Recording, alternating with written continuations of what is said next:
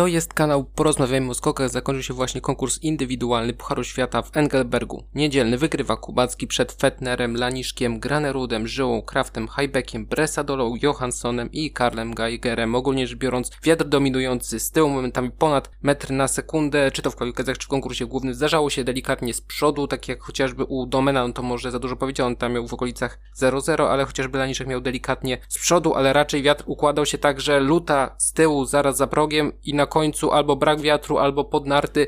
I to jak należałoby to zinterpretować, to zależy tak naprawdę nie tylko od wagi powiedzmy, gdyby ta średnia miała być nie arytmetyczna, tylko ważona, jeżeli miałby ktoś przecieżniki, no to też zależy to od dyspozycji zawodnika, czy jest w stanie przelecieć bóle i jaka to jest technika, czy on zatrzymuje, czy też zachowuje prędkość lotową, że jest to raczej zawodnik typu Aschenwald, który bardzo wysoko kieruje to odbicie. To trochę taka dygresja do tego, co mówili pan Błachut i pan Ludziński, bo z jednej strony lubię ich komentarze momentami, a nawet trochę częściej niż momentami po prostu mam odmienne spojrzenie na skoki narciarskie, ale tak jak mówię, nie zmienia to faktu, że ja lubię ich komentarza, a z drugiej strony to, że jest po prostu monopol i nie ma wyboru, jeśli chodzi o komentatora, jest troszeczkę mniej przyjemny. W każdym razie wygrywa Kubacki, dziewiąte zwycięstwo, 29 miejsce na podium, pierwszy skok super, w kwalifikacjach nie do końca, w drugiej serii też nie do końca, bo nota słabsza i od Fetnera, i od Laniczka, i od Greneruda, który skoczył z bardzo poważnym błędem, ale jest kolejny raz zwycięstwo, no kolejne miejsce na podium, znowu umocnienie się na pozycji lidera Pucharu Świata. O tym, kto ma szansę na TCS, będę mówił dopiero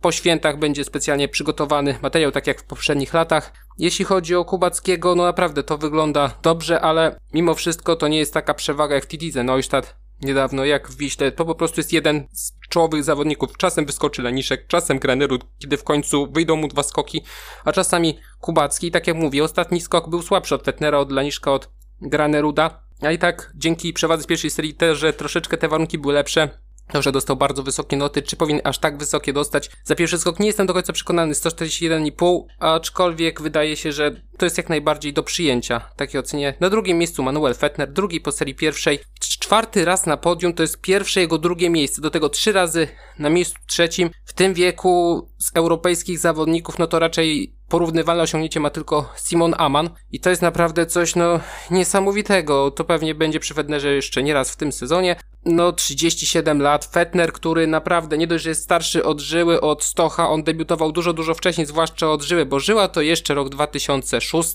a Fetner no to Pucharze Świata 2001 rok, a w kwalifikacjach to jeszcze rocznik 2000, więc naprawdę masa czasu od debiutu, praktycznie ostatni zawodnik, który jeszcze pamięta jakby jako zawodnik czasem mały Szomani i troszeczkę późniejszy, no może jeszcze Stoch, rocznik 2004, ale no super skoki i w końcu te skoki nadeszły też na te najważniejsze próby, bo były kwalifikacje wygrane wcześniej, te seryjnie oceniane bardzo dobre, drugi skok wczorajszy i dzisiaj w końcu te dwa dobre skoki siadły na sam konkurs. To jak te skoki były mierzone, czasem mam wątpliwości, czy to drugi skok Fetnera, czy drugi skok Kyto Sacho, czy tam dobrze mierzono te odległości. Mam wątpliwości, ale to się po prostu zdarza. Trzecie miejsce Alniszek, szósty po serii pierwszej, dziewiętnaste miejsce na podium i ogólnie wydaje mi się, że te 142 metry dzisiejsze przy delikatnym wietrze z przodu, co warto zaznaczyć, po nim jeszcze obniżono belkę, no to wydaje mi się, że te 142 metry, no to był skok technicznie i stylowo lepszy niż wczorajszy, a tutaj żadnej dwudziestki nie było, było 58,5 punktu, a wydaje mi się, że tutaj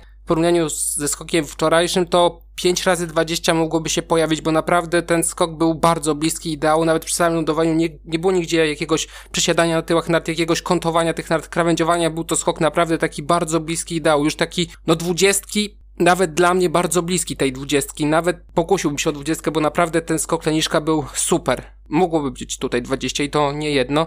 Na miejscu czwartym Halvor Egner piąty po serii pierwszej. W pierwszej serii znów ta prawa narta mu uciekła, za płasko poszła, przechylony w prawo, a w drugiej serii to jeszcze bardziej. Naprawdę ten skok Graneruda nie był dobry. To nie był dobry skok Graneruda i tak pozwolił na awans i otarcie się o podium, więc naprawdę wydaje mi się, że mimo tego, co robi Kubacki na niszek, cały czas wydaje mi się, że to Granerud ma najwyżej sufit, jeśli chodzi o tych zawodników, ale no musi dojechać głowa w tym momencie, bo Naprawdę wydaje się, że w tym przypadku to jest po prostu kwestia psychiki, że w tym momencie z jakiegoś powodu u Graneruda ta presja zaczyna bardziej dotykać, bardziej go dotyczyć niż miało to miejsce w poprzednich dwóch latach, czy raczej w szerszej perspektywie. Wiadomo, że miał też gorsze starty chociażby dwa lata temu, ale chociażby była to dość kuriozalna sytuacja, kiedy miał bardzo słabe prędkości nazdowe przez to, że zaczepiał butami o nisko osadzoną belkę w Zakopanem.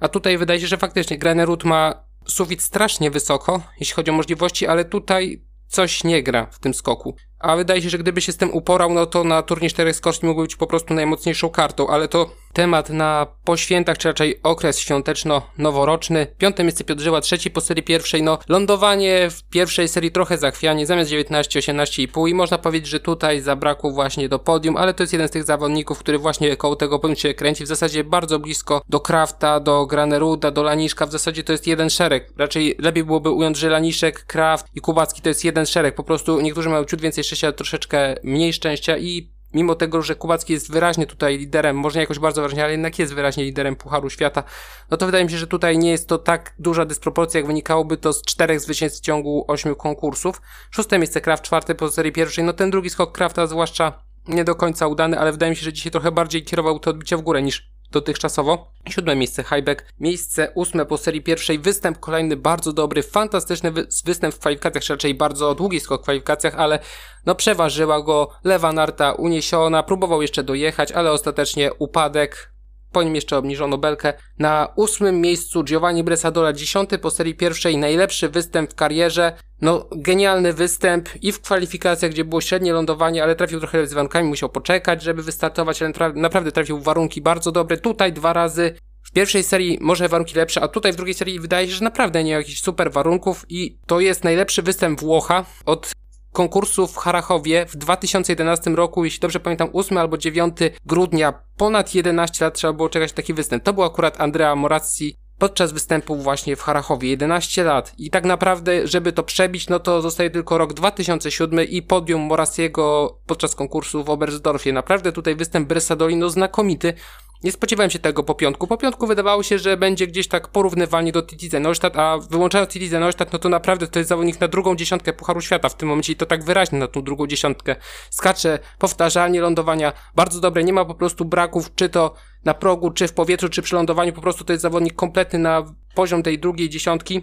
Naprawdę jestem ciekaw, jak to będzie wyglądać w turnieju czterech skoczni, bo jeżeli ktoś by bardzo tutaj popłynął, no to taki kandydat z drugiego, trzeciego szeregu Czemu nie? Ale no, to jest takie bardzo odważne stwierdzenie mimo wszystko.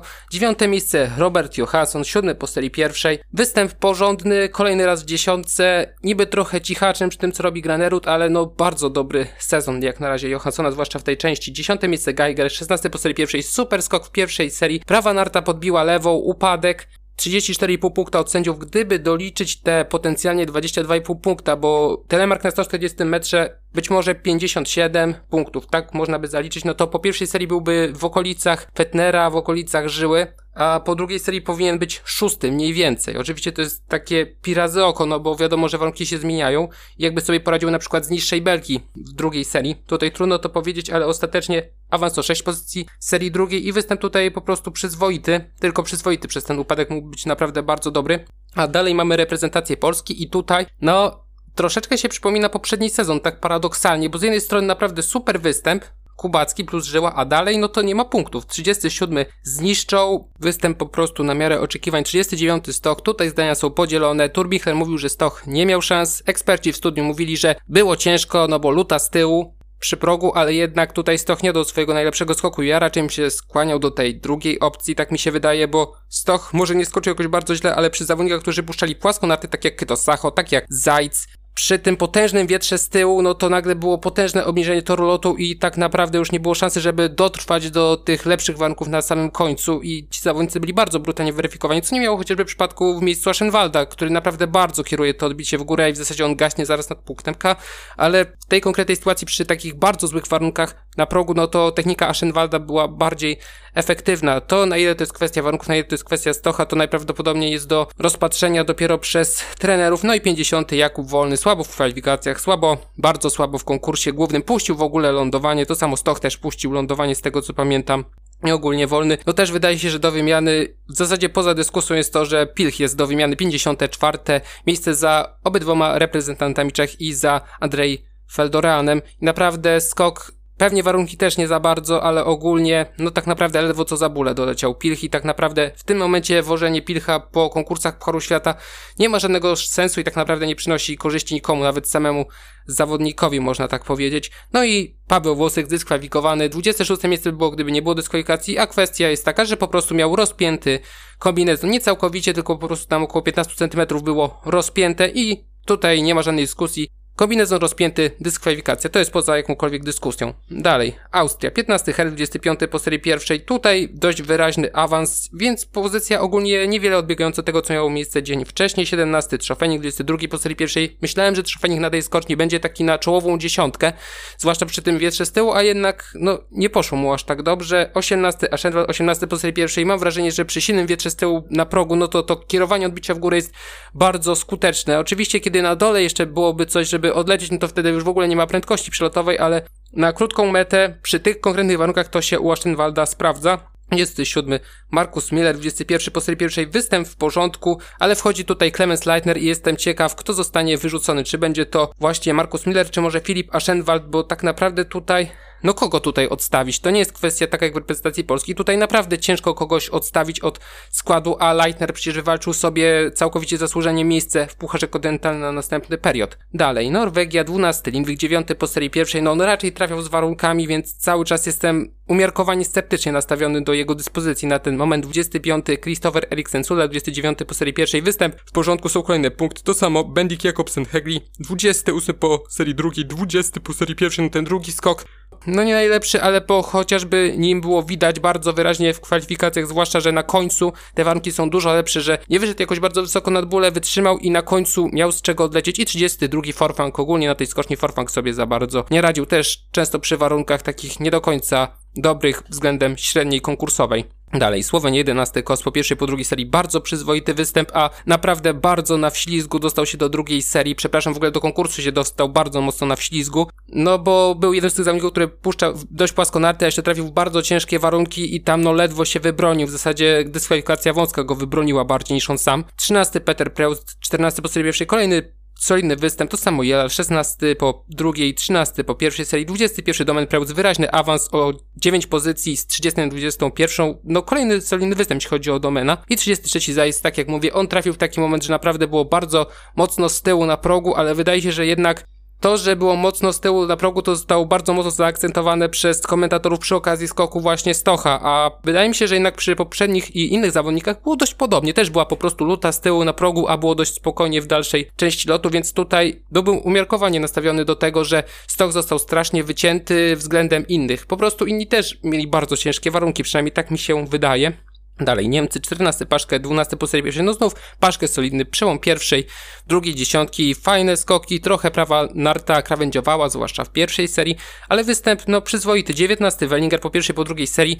I tutaj nie wiem, co miał na myśli szczerze mówiąc Horngacher, bo Wellinger raczej nie jest w takiej formie, żeby tutaj przeskoczyć skoczni, a obniżanie przecież skoczni, czy raczej rozbiegu powoduje, że też te noty będą zwyczajnie niższe, około półtora punktu, czy nawet punkt, jeżeli bliżej wląduje, a jeszcze z tego rozbiegu trzeba było skoczyć 133 metry, więc nie wiem, czy czemu tutaj Horngacher tak akurat zagrał, szczerze mówiąc, a do tego, patrząc cały czas w FIS, czy raczej wyniki FIS-u, to cały czas on ma takie 19 miejsce i te 5 punktów z jedną dziesiątą doliczone z jakiegoś powodu. I cały czas to nie jest skorygowane, więc gdyby to skorygować, to było 22 miejsce, ale jak na razie wyniki oficjalne 20, przepraszam, 19 miejsce, więc mówię o 19 miejscu, 20 Schmidt, 17 po serii pierwszej, no Schmidt mam wrażenie znowu trochę za bardzo został się nad nami, znów za bardzo kieruje to odbicie w górę, znów za bardzo stawia narty za progiem. I tutaj jeszcze to nie było tak karane, ale wydaje mi się, że jeżeli będzie inna skocznia i trochę bardziej standardowe warunki, no to Schmidt będzie trochę bardziej karany za to, jak skacze, bo raczej nie wydaje mi się, żeby to było docelowe.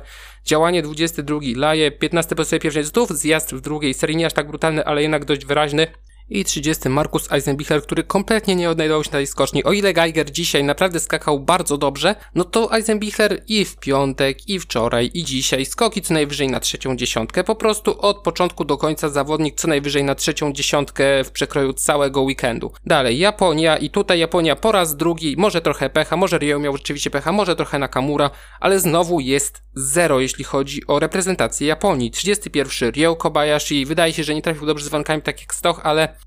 no Ryo w formie by sobie raczej z tym poradził. 36 Naoki Nakamura, raczej spodziewałem się punktów, ale jednak tutaj ich nie ma. 38 Junshiro, na 43 miejscu Sato, razy dwa, obydwa skoki takie mocno przeciętne. 47 Nikaido, no naprawdę nie mam pojęcia o co chodzi z Nikaido. Lepiej na treningach, często w kwalifikacjach, lepiej w konkursie głównym jest coraz gorzej. Nie tylko jest źle, ale jest po prostu tym zawodnikiem coraz gorzej. Zaraz się skończy na tym, że po prostu w Oberstdorfie nie dostanie się do konkursu głównego, bo tam kwalifikacje będą na pewno dużo, dużo mocniej obsadzone, chociażby dlatego, że Raimund wchodzi do Pucharu Świata i to naprawdę może wejść z buta, tak naprawdę z buta, jeśli chodzi o reprezentację Niemiec. Dalej, reprezentacja Włoch, 35. Alex Insam, no dzisiaj Insam skakał chyba nieco słabiej, chyba nie do końca dobrze trafiał próg i 40. Francesco Cecon, znów najlepszy występ w karierze i tutaj muszę się pochylić nad panem Jiroutkiem, bo w ostatniej chwili przejął tę reprezentację, bo czekał na ofertę od Francji, oni się ociągali, ostatecznie uznał, że nie może czekać, bierze ofertę od Włochów. I to, jaki progres poczynili Włosi pod jego wodzą, to jest coś niesamowitego, bo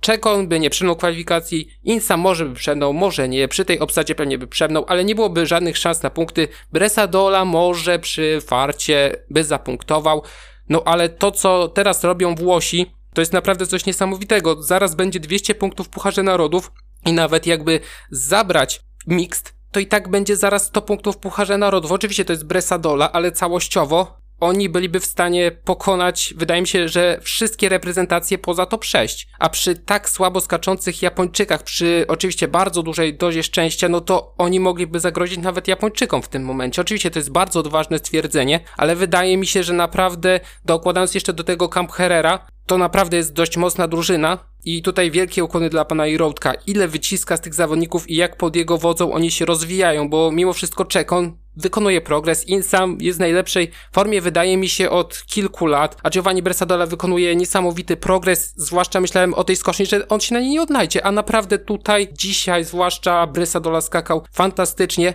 i tylko wielka szkoda, że poza Camp Herrerem tam naprawdę nie ma zaplecza. Mówi się o reprezentacji Polski, że nie ma zaplecza, o, że tym, że Niemcy nie mają zaplecza, ktoś inny nie ma zaplecza, ale tam naprawdę nie ma zaplecza, kompletnie. Poza Camp Herrerem, no to nie ma nikogo, kto mógłby się nawet zbliżyć do punktowania w Piskapie. Jeżeli byście zobaczyli, jak wyglądają klasyfikacje w Alpen Cupach, no to to jest po prostu podpisywanie listy przez tych zawodników. Czy to Zambenettini, czy to Garnet, czy jeszcze ktokolwiek inny, wszyscy po prostu podpisują listę startową. 70 nazwisk na liście startowej, a oni są na miejscu 60 którymś. No po prostu w najbliższym czasie nikt nie rokuje na to, że dostanie się do drugiej serii Fiskapu, czy chociażby wystartuje w Fiskapie, bo tak naprawdę nikt od kilku lat poza żelazną czwórką, poza tą, która jeszcze nie zakończyła kariery, czy chociażby Galiani, chociażby Moroder, bo wtedy to inaczej by trochę wyglądało, no to naprawdę tam nie ma rezerwowych kompletnie.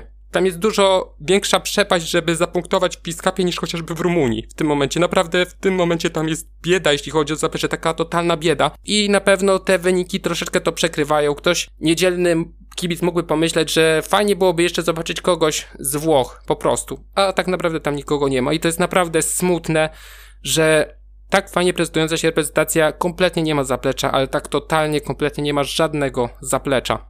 Dalej, Finlandia z Estonią, 23 Kyto Sacho, 23 po serii pierwszej występ w porządku, chociaż w kwalifikacjach było dość ciężko, 34 Kevin Malcew, najlepszy występ w karierze, ledwo co przemnął kwalifikację i naprawdę się zdziwiłem, bo nie zanosiło się na to, że Malcew może mieć dzisiaj życiówkę, że będzie miał nawet szansę na punkty w pewnym momencie, ale no dostał dużo lepsze warunki od e, średniej statystycznej, zwłaszcza na początku konkursu i no trochę zabrakło, punktowo dużo zabrakło, ale jednak najwyższa pozycja w karierze, no on po prostu rozjechał swoich kolegów, jeśli chodzi o reprezentację Czech, bo trzeba tak o tym mówić. Dalej. Szwajcaria. I tutaj mamy najlepszy występ w sezonie, 25 Deschwanden, 28 po serii pierwszej, ale cały czas nic tutaj nie napawa optymizmem. Nie ma Simona Mana, który nie wystartował, 42 Peje, który puścił lądowanie i 45 Dominik Peter, przepraszam, odwrotnie, 42 Peter, 45 Peje, który puścił lądowanie, a jeszcze wracając do Włochów, w tym momencie tam nie ma ani skoczni dużej zdatnej do użytku, bo skocznie w Predato są przebudowywane,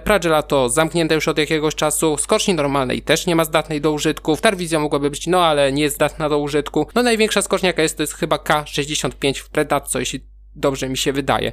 No trzeba jeździć po prostu po Słowenii i po Austrii. Niestety.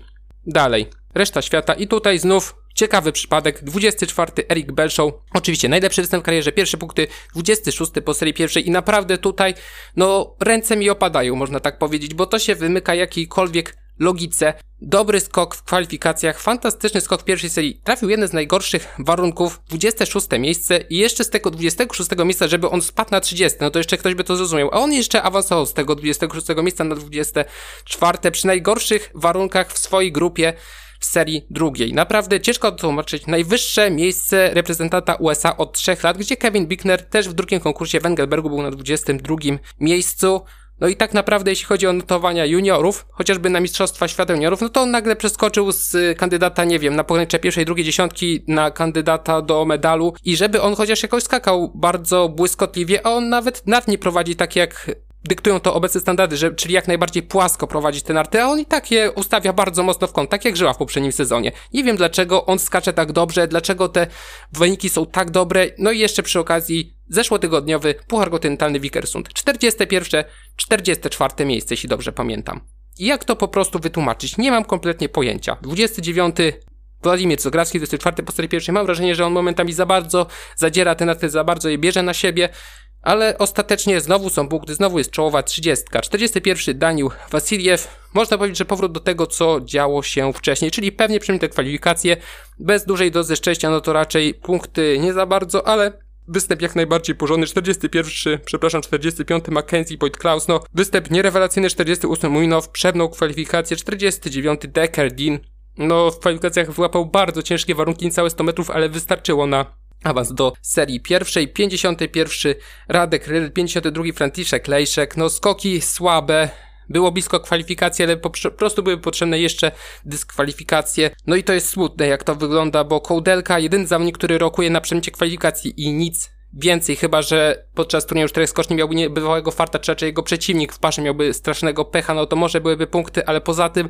nie widać jakiejkolwiek nadziei na cokolwiek. Niestety. 53 Andrzej Feldoran i 55 Daniel Andrzej Kacina. No i jeszcze na koniec Puchar Kontynentalny wrócę i tutaj z jednej strony pecha miał Sondre Ringen, no bo w ciągu dwóch dni zaliczył upadek, dyskwalifikację, a powinien dzisiaj być na pierwszym miejscu razem z Filipem Raimundem, gdyby nie dostał dyskwalifikacji po pierwszej serii. A tak, no to mamy Raimuda na pierwszym miejscu, który po prostu zjadł resztę stawki. Na drugim miejscu Joachim Odegaard-Bierenk 33 i 60 punktu straty, na miejscu trzecim Anders Fanemel 40,7 punktu straty. Ja pamiętam co się działo jakiś czas temu, kiedy Wolgenant zmasakrował resztę stawki w Pucharze Kontynentalnym Wingen, kiedy w 24 godziny były 4 konkursy, no to tutaj Ramon zrobił jeszcze większą robotę, a on już w Pucharze Świata w Wiśle pokazywał, że naprawdę ten potencjał jest duży.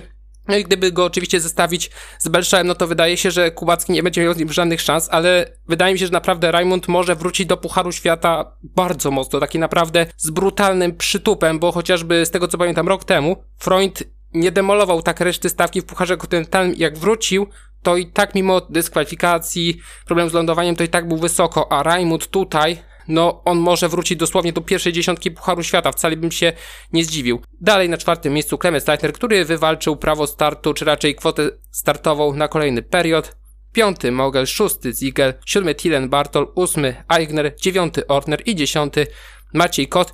I co mnie zastanawia, to podczas wywiadu, jeśli chodzi o rotację w składzie, to Turnbichler wspomniał o kocie, nie o Habdasie, tylko właśnie o kocie, co jest dla mnie dość dziwne, bo Habdas na przestrzeni tego periodu był zdecydowanie najlepszy i trochę byłoby szkoda, gdyby Habdas znów gdzieś tam minął po prostu te reprezentacje. W każdym razie na 14 miejscu Habdas, który ogólnie na tej skoczni jakoś za bardzo się nie odnajdował. 16 Hula, 19 Krzak, który ogólnie w tym występie, no to, że będzie przed Murańką, przed Stękałą, naprawdę występ taki zaskakująco dobry. Dalej, 36 Stękała 37 kreacjonych i tylko 42 Mureka, który był dużo lepszy w serii próbnej. Z ciekawostek na 30 miejscu Filip Sakala i jest to pierwszy przypadek, kiedy Czesi podczas sezonu zimowego wywalczyli cokolwiek punkty, w zasadzie w czymkolwiek wywalczyli po prostu punkty. Pomijam tutaj Alpen Cupy, ale jeśli chodzi o zawody wisowskie, Wiskapy, Puchary Kontynentalne, Puchary Świata, no to pierwszy punkcik, mam nadzieję, że nie jeden, jeśli chodzi o Czechów, no Naprawdę to wygląda źle, jeśli chodzi o reprezentację Czech, o czym ja mówiłem wiele razy, inni mówili jeszcze częściej